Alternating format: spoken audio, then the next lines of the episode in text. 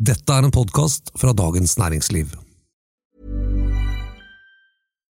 One size fits all seems like a good idea for clothes until you try them on. Same goes for healthcare. That's why United Healthcare offers flexible, budget friendly coverage for medical, vision, dental, and more. Learn more at uh1.com.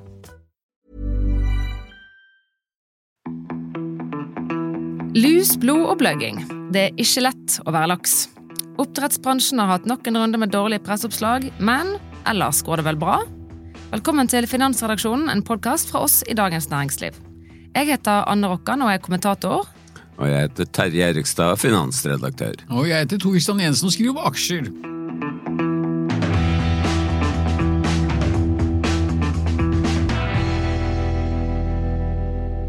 Jeg er da vikar for Anita Håmsnes i dag, som er på en velfortjent ferie. Og vi har tenkt å snakke om oppdrettsbransjen. Den har jo havnet i nyhetsbildet i det siste av litt sånn uheldige grunner, og debatten på NRK hadde jo nettopp selvdød laks og syk laks som tema. Havner det på norske middagstallerkener, spurte de seg sjøl og oss om. Så eh, tenkte vi kan ta en runde. Spiser dere oppdrettslaks? Ja, jeg gjør det, og har, eh, det har jo vært sånne runder tidligere om syk, altså sykdom Mm. hos laks, eh, store problemer med lus og eh, sånne bilder av skadede laks og sånt har vi jo sett før òg. og personlig så, så tenker jeg jo at ja, eh, dette er, eh, det er ikke bra, men jeg liker likevel Mm. eh, laksen, eh, selv om det er oppdrett. Det er et godt produkt. Ja, jeg, jeg, altså erfaringen min bare som, som konsument er Mm. veldig positivt. Uh, og så er det jo litt sånn hva legger du egentlig mest vekt på? Uh, den smaken du får når du kjøper produktet, eller hvor liksom uh, bildene av selvdød fisk, fisk med store sår det er jo sånn, Hvis du tar det innover deg, så får du ikke så veldig lyst. Så sist helg så ble det skrei isteden, og den, den, den, det er altså det aller beste. Det er var... mye bedre enn en, oppdrettslaks. Ja, den har ikke mange kritikere. Nei, den har mange elskere, for å si det sånn. Mm. Hva med deg, Tor Christian? Jo, jeg er veldig glad i eh, spesielt røykalaks. da. Jeg elsker røykalaks. eh, og kjøper det gjerne, men altså, det, koster, det er jo ganske dyrt, da, selv om det er oppdrettslaks. Det er jo ikke akkurat billig heller. så men noen ganger så, så sier jeg ok, nå må vi, dette kan vi koste på oss. Eh, Og så er jeg også veldig glad i, i dampet, altså hva skal vi si, hvor den ikke er røyka.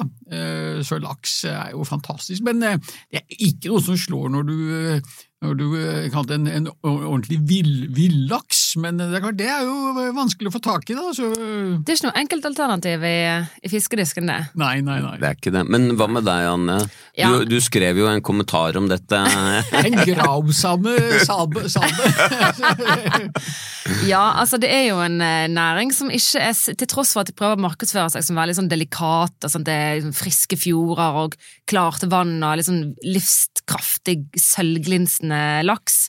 Som er sånn med, med sånn frisk norsk ungdom i kjeledress langs Merdkanten. Og, det er bare liksom sånn fantastisk næring som har grodd frem fra det som egentlig har vært en lang tradisjon i Norge for å ha sånn én laks på gården, nesten sånn julegris. Eh, så er det jo en ganske sånn Det er ofte litt eh, lort og drit og blod og gørr i den eh, bransjen, og det er ikke de så glad i å vise frem. Men det gjør jo vi i pressen med jevne mellomrom, da. Men til tross for det så kan jeg godt innrømme at jeg også spiser oppdrettslaks. Men ikke så ofte. Men det har på en måte også bare med sånn preferanser og Veldig glad i hvitfisk, jeg også. Veldig glad i fisk generelt, men ja, det jeg prøver å begrense det egentlig litt. Og det har jo litt med sånn forbrukermakten å gjøre, at det skal skrive om dette, så skal du på en måte leve litt etter det du eh, ja, det du mener. Men jeg mener ikke at folk skal slutte å spise laks, men at vi kan stille andre krav. Myndighet det, jeg tenker, det er jo ikke forbrukernes eh, ansvar, til dette her. Men jeg kan si at eh, her på huset, i kantinen her i Dagens Næringsliv, eller altså vi deler den med mange andre bedrifter og selskaper, men Der har de altså servert variasjoner av laks hver dag som sånn hovedlunsjrett eh, eller hovedsalat og sånn, siden denne eller på en måte debatten og disse medieoppslagene kom. Så de gjør det ikke lett for oss kjøpt- heller. Fått kjøpt billig laks i et eller annet De har jo fått tak i et parti. Parti Hvor kan det være fra? Nei, men Det er jo ganske interessant, og det er klart, det, det, du får jo ikke så veldig lyst på, på å spise laks når du ser de der fæle bildene og sånn selvdød fisk som ligger i sånne tjukke lag nederst i en sånn mære, så det, det skjønner jeg godt, og at det er jo krise for næringen kan jo ikke være noe eh, tvil om, men, men jeg velger jo å tro, og, og i hvert fall håpe, at eh, at norske myndigheter, Vi har jo Mattilsynet og all verden, vi har jo så mange tilsyn at man blir jo helt svimmel. så at De har passer på at dette, eh, at dette blir eh, forvaltet og drevet på en, eh, på en skikkelig måte. Men det er jo et mareritt for alle næringer. Vi har jo landbruk, ikke sant? og det skriver du også veldig interessant om, eh, Anne. sånn der, disse, disse, disse stakkars kyllingene, hvordan de, de gasses, og, og griser som står inni en sånn der eh, metallkonstruksjon. Det ser ut som et slags torturmiddel, og kuer som ikke får røre på seg. Eh, ikke sant? Og, det, og ikke sant? Du har hatt sånne skrekkhistorier om eh, gårdbrukere som ikke tar vare på dyrene sine. Ikke sant? Så det, er- det er jo helt skrekkelig og, for, og forferdelig eh, alt, alt sammen. Men vi må jo håpe at i store og hele så liksom er det god drift på på den maten som Det er jo noe av det aller viktigste, den maten vi spiser. Det er det, sant. Det gjelder det miljø, dyrevelferd og matsikkerhet, rett og slett. Så det toucher innom så mye forskjellig, egentlig, det med god dyrevelferd. Ja, og der har jo Jeg vet ikke om vi skal ha så stor tiltro til myndighetene og deres tilsynsevne. Altså, vi har jo dokumentert i Dagens Næringsliv at eh, det har vært store utslipp fra sånne settefiskanlegg, og veldig Det det er jo eh, Ja, vi har mange tilsyn, men har de ressursene? Eh, og når, når bransjen eh, liksom ber om å få beskjed om og nå kommer det et uanmeldt tilsyn. Hallo! Er anmeldt- Uanmeldt innsyn! Ja. Du kan ikke akkurat be om å få beskjed om det. Dette har, altså, det, her har Mattilsynet hatt en praksis, eh, på land i hvert fall, så vet jeg at de har, eh, i sånn griseproduksjon og sånn, så har de hatt for vane å sende ut en sånn felles SMS om at sånn i kom til alle registrerte bønder i at de neste månedene så vil vi gjennomføre uanmeldt tilsyn. Og det er jo eh, parodisk eh, å gjøre. Altså, ja.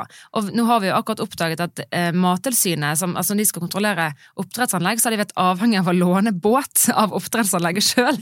Men og kanskje litt av grunnen til at det har vært så mye saker nå i det siste på død laks, eh, feilhåndtert laks, veldig syk og skadet laks, som fortsatt er på vei inn i slaktebåten, er kanskje det at det er så banalt som at Mattilsynet har fått eh, låne båt av Kystvakten. Eh, sånn at de kan bare dukke opp der ute helt for egen maskin. Og da, eh, Dette skaper da såkalt uro i bransjen sjøl. De ønsker 15 minutters varsel, eller som han ene sa fra Lerøy, eh, det hadde vært tydelig de kunne banke på døren før den blir åpnet, som er en sånn eh, dårlig forståelse av hva et uanmeldt tilsyn er, da. Eh, og du kan sikkert rekke de på 15 minutter uansett, men det er noe med at de, de, noen av de videoene som NRK har fått tak i fra Mattilsynet, der altså en sånn eh, død laks med buken i været og sånn, sånn kulerunde, utstikkende øyne ligger og glor dødt inni dette plastrøret på vei inn i slaktebåten. Eh, for å bli menneskemat. Det er klart at du får ikke sånne scener som det eh, hvis du har varslet bare 15 minutter før, til og med. Nei, jeg, jeg tenker at det er veldig viktig for tilliten til den maten vi spiser, at vi vet at det føres ordentlig tilsyn, og at, at eh, tilsynsmyndighetene har tilstrekkelig med ressurser, og kan gjøre det som du beskriver, eh, komme helt uanmeldt. Sånn at ikke man kan dekke over det bransjen kaller avvik. Ja. Du har en million døde laks, ja, vi har hatt ett avvik. Altså, det, er litt sånn, det kan være sånn feil dørhåndtak på en dør, eller sånne ting som du får avvik på, eller du kan ha bare sånn masse død og store dyrevelferdsproblemer.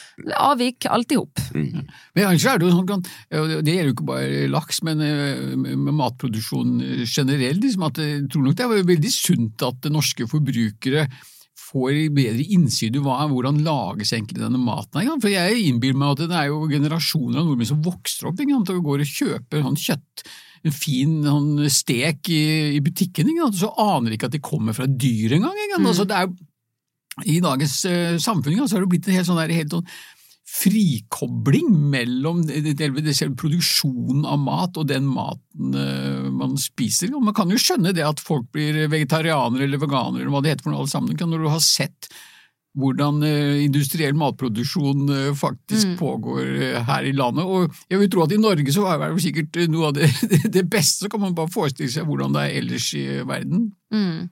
Ja, så er de jo glad i å markedsføre Uh, ja, salmalaks, sånn, mm. den reinskårne fileten. Det er så enkelt, det er så delikat. altså Noen ganger hvis jeg kjøper eh, hel fisk i fiskedisken, um, så må jeg ta meg i huske og spørre om de kan sløye den. Mm. Uh, altså bare tømme buken, på en måte, ikke filetere eller noe sånt. For det, det, er ikke alltid at det er gjort på all fisk. Det har oppdaget at det går an å kjøpe dorado og en del sånn fisk som ikke er vanlige tidligere i norsk fisk. Det kan være så gøy å eksperimentere med å lage mat med.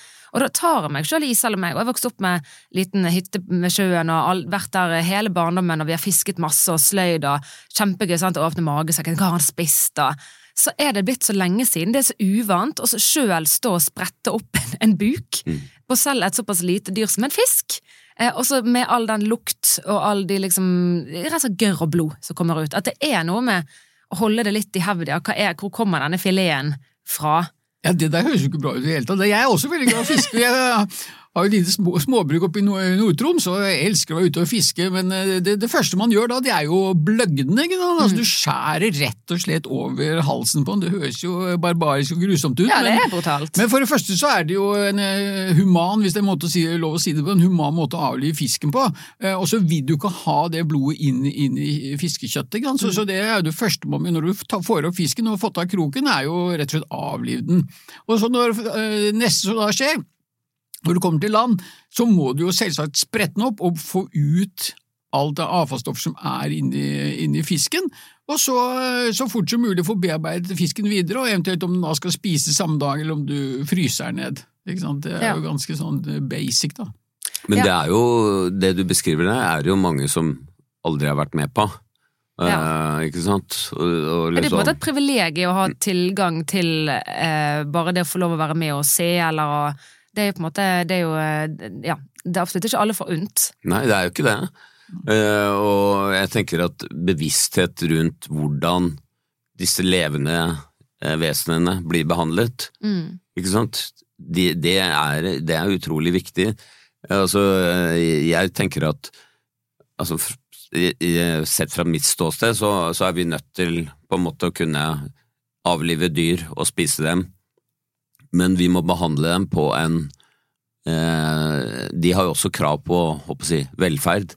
Utrolig akkurat som vi har. Ja, utrolig viktig. Ja. Altså, jeg, jeg, er også veldig glad i å gå på jakt, ikke sant? og så kanskje man eh, da skyter en eh, orrhane. ok, Du skyter den, og man gjør jo selvsagt sitt beste for at den skal eh, forhåpentligvis dø med en gang, men det er jo sjelden at den gjør det. Som ofte så vil den jo være i, i live.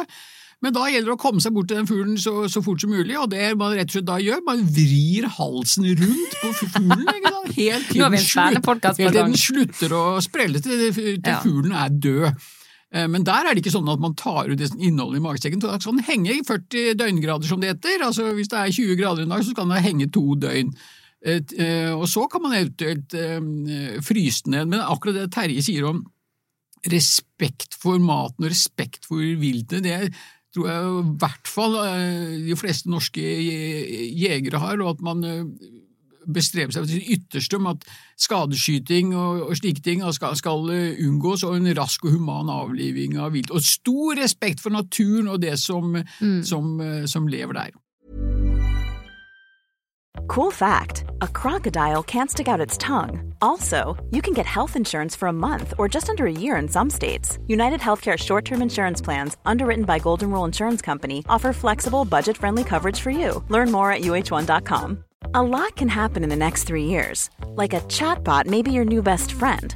But what won't change? Needing health insurance. United Healthcare Tri Term Medical Plans are available for these changing times Underwritten by Golden Rule Insurance Company, they offer budget-friendly, flexible coverage for people who are in between jobs or missed open enrollment. The plans last nearly three years in some states, with access to a nationwide network of doctors and hospitals. So for whatever tomorrow brings, United Healthcare Tri-Term Medical Plans may be for you. Learn more at uh1.com. I'm Sandra, and I'm just the professional your small business was looking for. But you didn't hire me because you didn't use LinkedIn jobs. LinkedIn has professionals you can't find anywhere else, including those who aren't actively looking for a new job but might be open to the perfect role, like me. In a given month, over 70% of LinkedIn users don't visit other leading job sites. So if you're not looking on LinkedIn, you'll miss out on great candidates like Sandra. Start hiring professionals like a professional. Post your free job on linkedin.com/people today. Ja. Altså, jeg tror jo eh, at alle er enige om det, og det er veldig lett å si. Og når det kommer opp et visst kvantum av eh, antall individer som skal avlives på en dag, så er det litt eh, den omsorgen for hvert enkelt en måte, individ eh, Den er ikke så lett å ivareta, i hvert fall når du har en bunnlinje du skal ivareta, kanskje og vel så mye omsorg for. Eh, beklager antakelse her. Men um, for, i 2022, da, nå kom denne her Fiskeridirektoratets lønnsomhetsundersøkelse kom i forrige uke, og da har oppdrettsnæringen som helhet rekord i um, uh, overskudd før skatt på 36,6 milliarder delt mellom seg. Uh, og samme året så dør da 97,9 millioner laks. Uh, og det kan jo på en måte nesten doble hvis du tar med disse rensefiskene som er en eh, er det de kaller biologisk avlusing. Veldig artig. Du får en fisk til å spise lusen på den andre fisken, og så dør minst en av de etterpå, da. Men det er, og det er begge deler er rekord. Sant? Og det er jo en kostnad som bransjen aksepterer, eh, selv om noe av fiskedøden er selvfølgelig eh, sykdommer og disse algeoppblomstringene og sånne ting som er åpenbart veldig vanskelig å kontrollere for eller unngå. Men det er jo også eh, tetthet, eh, intensitet i merdene, det er Um, lus- og avlusingsmekanismene som dreper mye laks. Det, men det jo, må jo være en kost... Altså, du kan jo redusere intensiteten for å redusere dødeligheten. Hvis det hadde vært lønnsomt, så må vi anta at de hadde gjort det. Mm. Du kan jo se det litt sånn kynisk at, at det, det finnes en eller annen form for optimal dødelighet, mm. eh, hvor, hvor, eh, hvor produksjonen eh, maksimeres sånn at eh, dødeligheten på en måte holdes i sjakk, da. Altså, det er klart, hvis du eh, kjører så tette merder at, at det blir liksom alle dør, da har det jo gått for langt. Men, men det er jo en Ikke sant, det er jo umulig å ikke ha eh, noe dødelighet. Eh, det vil være umulig å ta bort alle sykdommer, og det, det er jo som en av de på Debatten sa, det er jo det perfekte eh, miljøet for å spre eh, sykdom ja. i, i, en mære. Sånn at det, er, at det er vanskelig, men så er det liksom sånn hvor, hvor, på en måte går den balansen da, mellom å maksimere dødelighet og, og lønnsomhet, mm.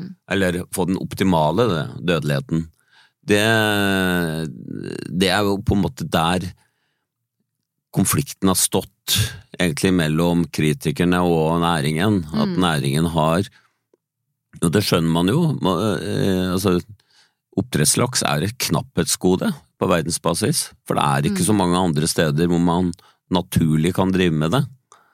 Og, og da er det selvfølgelig eh, veldig fristende å prøve å få opp volumet så mye som mulig, da. Mm. Ja, og i tillegg så um, er de jo flinke til å påpeke at oppdrettslaks tross alt er en ganske miljøvennlig eh, animalsk proteinkilde. De sier alltid bare proteinkilde, og mm. det vil jeg protestere på. Det finnes ganske mange proteinkilder du kan dyrke frem med en form for jordbruk eller landbruk eller havbruk som, ja. eh, som har lav, mye lavere CO2.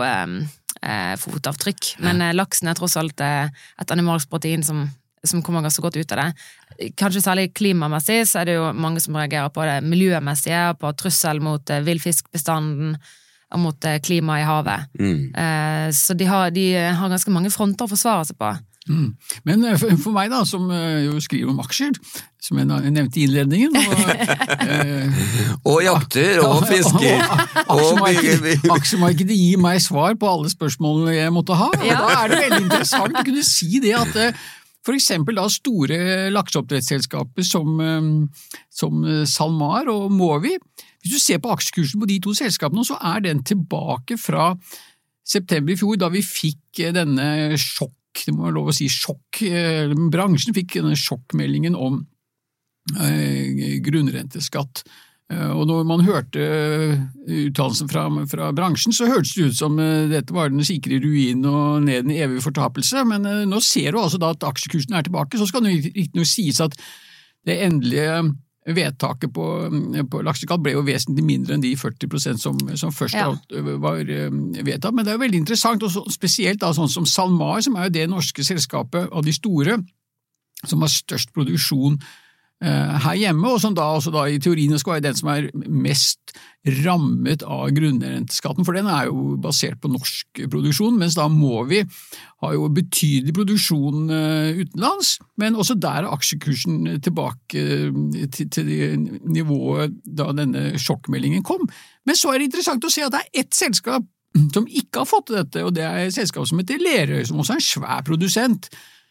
Og der kan man se at den aksjekursen er faktisk nærmere niv bunnivåene etter denne smellen. Altså, de har ikke klart å komme seg tilbake nesten eh, noen ting.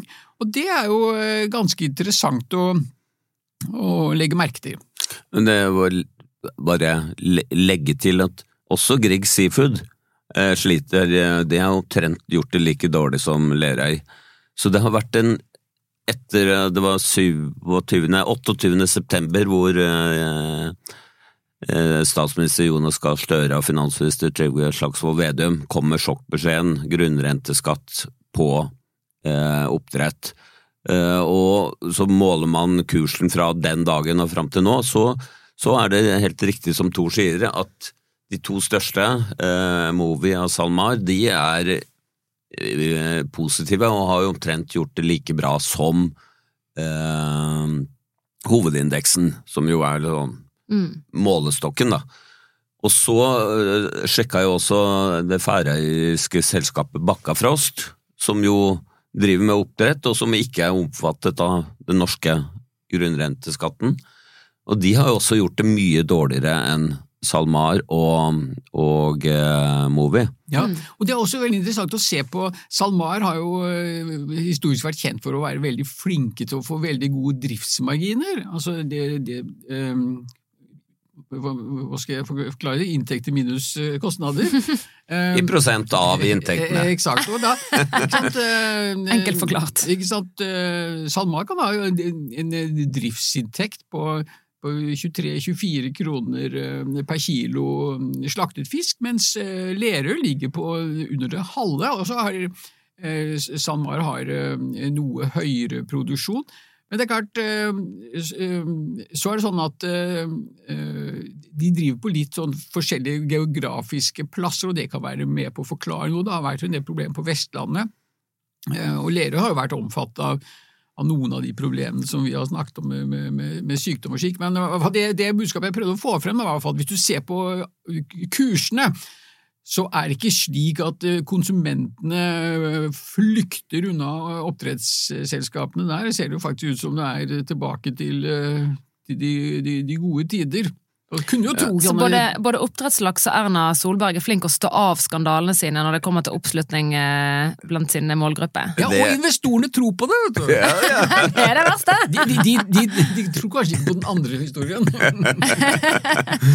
Nei, men eh, eh, til tross for all den, all den konflikten som eh, var rundt eh, oppdrettsnæringen i fjor, så eh, gjorde jo de eh, Fikk jo de sitt beste år noensinne. Du mm. refererte hva eh, Fiskeridirektoratets lønnsomhetsanalyse viste. Det var 30 36,6 Ja. milliarder, om ja, og så har da Statistisk sentralbyrå på oppdrag fra Finansdepartementet regnet ut hvor mye ekstraordinær profitt det er i, de, i det rekordoverskuddet. Og, og beregningene der eh, tilsier at 28 milliarder av de 36 er såkalt re, naturressursrente, nemlig ekstraordinær avkastning som kommer som følge av at eh, dette er konsesjonsdrevet næring, ergo er det begrenset hvor si, mange konsesjoner som finnes, og hvor mange som får lov til å bruke havet til å, å, å drive med oppdrett. Og dermed oppstår det eh, en, så, et sånt potensial da, for det som kalles grunnrente.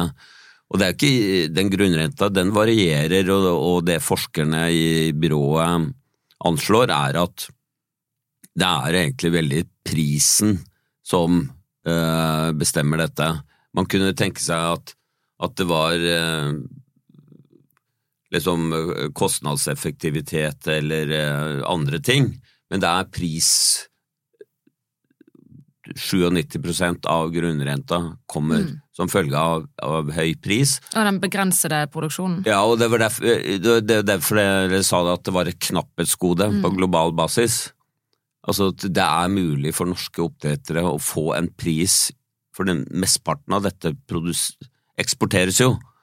Eh, og, og de, de en veldig god pris i utlandet, fordi det ikke er noe særlig andre steder hvor man driver med oppdrettslaks, og villaks er enda større knapphetsgode. Ja, det er jo i Skottland og Chile da, som er andre land som også som da, Og Færøyene. Ja, ikke sant, sånn til forveksling kan ligne faktisk litt på, på norske forhold. Men akkurat det med grunnrenskatten er jo veldig interessant, og nå ser man jo signaler nå fra flere oppdrettsselskaper om at de faktisk nå vurderer gjøre investeringer i, i Norge igjen. ikke sant? Så det er klart eh, Jeg innser jo det at det var et sjokk når du plutselig skal eh, skattlegge 25 av av overskuddet. Men så er det en annen veldig interessant ting, og det er jo at eh, SalMar, som vi nå har snakket om flere ganger, og Aker, de har jo eh, vurdert sånn eh, offshorebasert eh, oppdrett, altså ut- ute i havet. Mm. Eh, For det er jo veldig, altså Noe av det som er konkurransefordelen til Norge, at vi har så mye fjorder, og de er veldig skjermet, sånn at eh, skaden, altså utstyret tåler det, rett og slett, og laksen tåler det. Så utfordringen med å få det til havs er jo rett og slett å få en, en rigg som For der vil man ikke ha luseproblematikk på samme måte. Ikke sant? Det blir jo mye dyrere, og så vil jo kreve helt nye teknologiske løsninger. Og da er det jo slik at SalMar og Aker, da ønsker jo de at denne type virksomhet skal inn under grunnrentebeskatningsregimet, for at da kan de jo få avskrevet investeringene sine. Men skulle du ha sett på maken, det vil ikke myndighetene være med på. Nei, da, for at ute i havet så er det visst ikke noe grunnrente, for de tror kanskje ikke at det kan, at det kan være så fryktelig lønnsomt, men det var jo ikke ordinær eh, eh, oppdrett eh, i, i, i starten heller. Og da kommer vi nettopp inn i kjernen av det som har vært diskusjonen om dette med grunnrenteskatt, om den er nøytral beskatning eller ikke. Og da, eh, for at den skal være nøytral, så må det jo være at myndighetene har vært med på det spleiselaget i starten, ved at de da har fradrag for investeringene. Det, det kan høres litt sånn rart ut at uh, investorer, eiere, ønsker en høy skattesats. Eh, Det er fordi at den høye skattesatsen gir dem da egentlig staten som medinvestor. Så, ikke sant, hvis oljeselskapene betaler 78 skatt på overskuddet av eh, olje- og gassutvinningen, eh, eller oljeutvinningen, så er det eh, sånn at staten da betaler 78% av investeringen først. Og, og dermed så reduserer du egen risiko betydelig. Og det er jo det eh, disse investorene, eller eh, Aker og SalMar, ønsket for havoppdrett.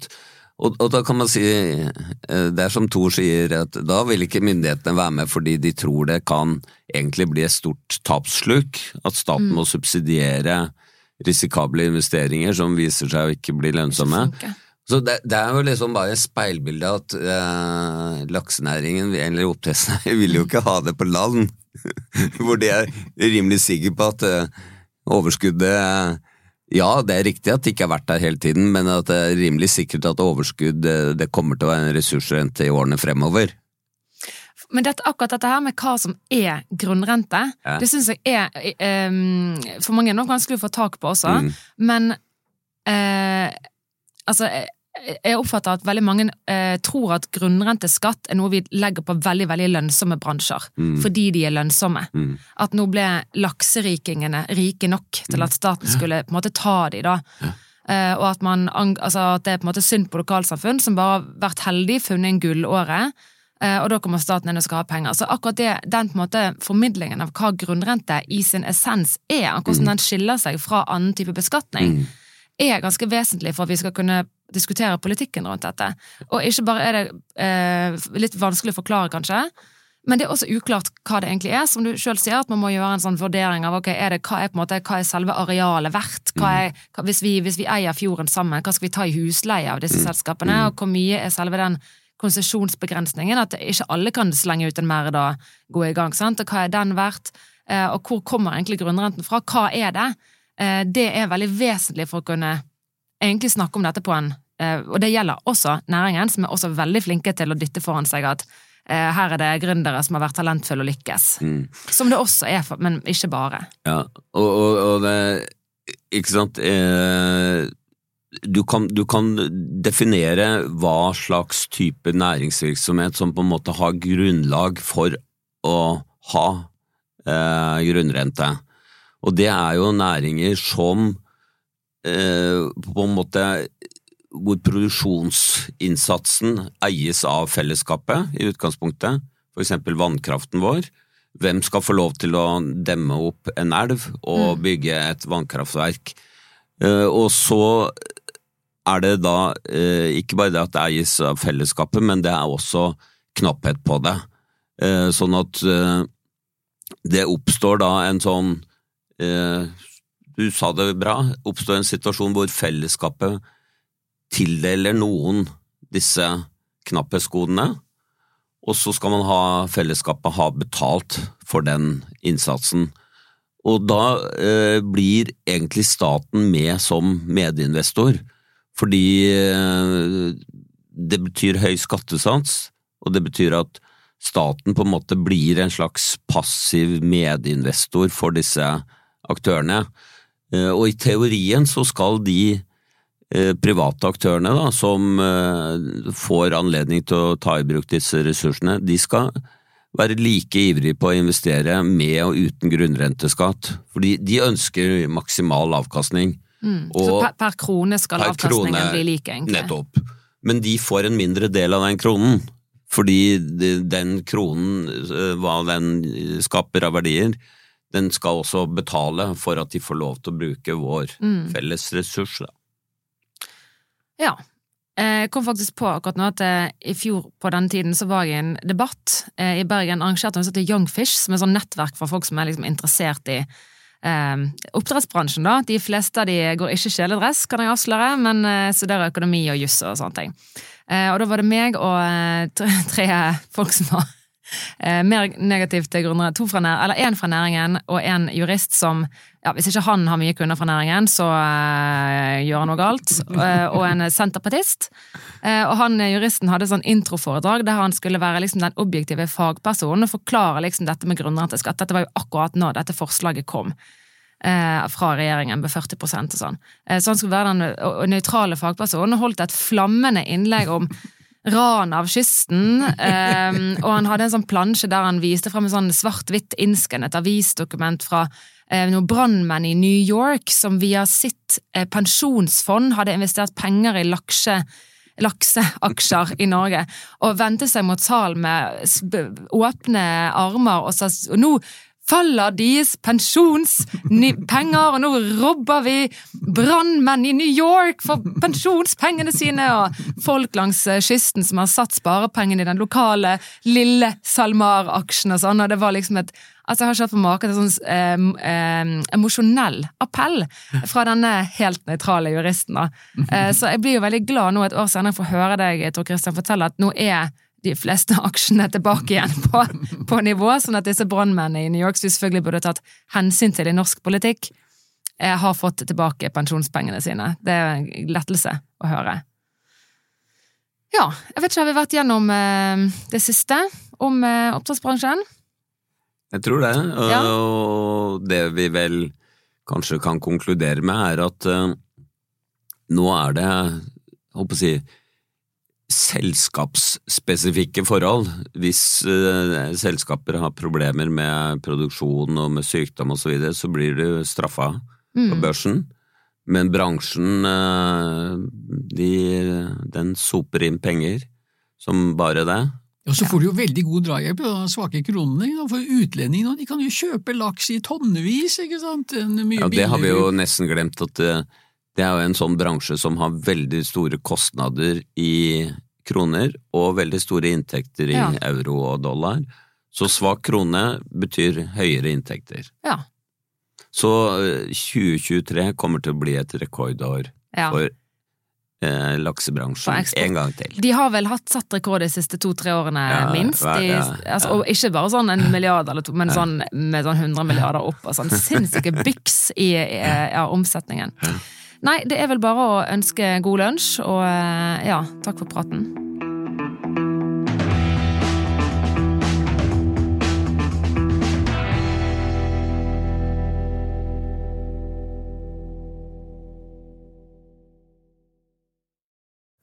Du har nå hørt en podkast fra Dagens Næringsliv.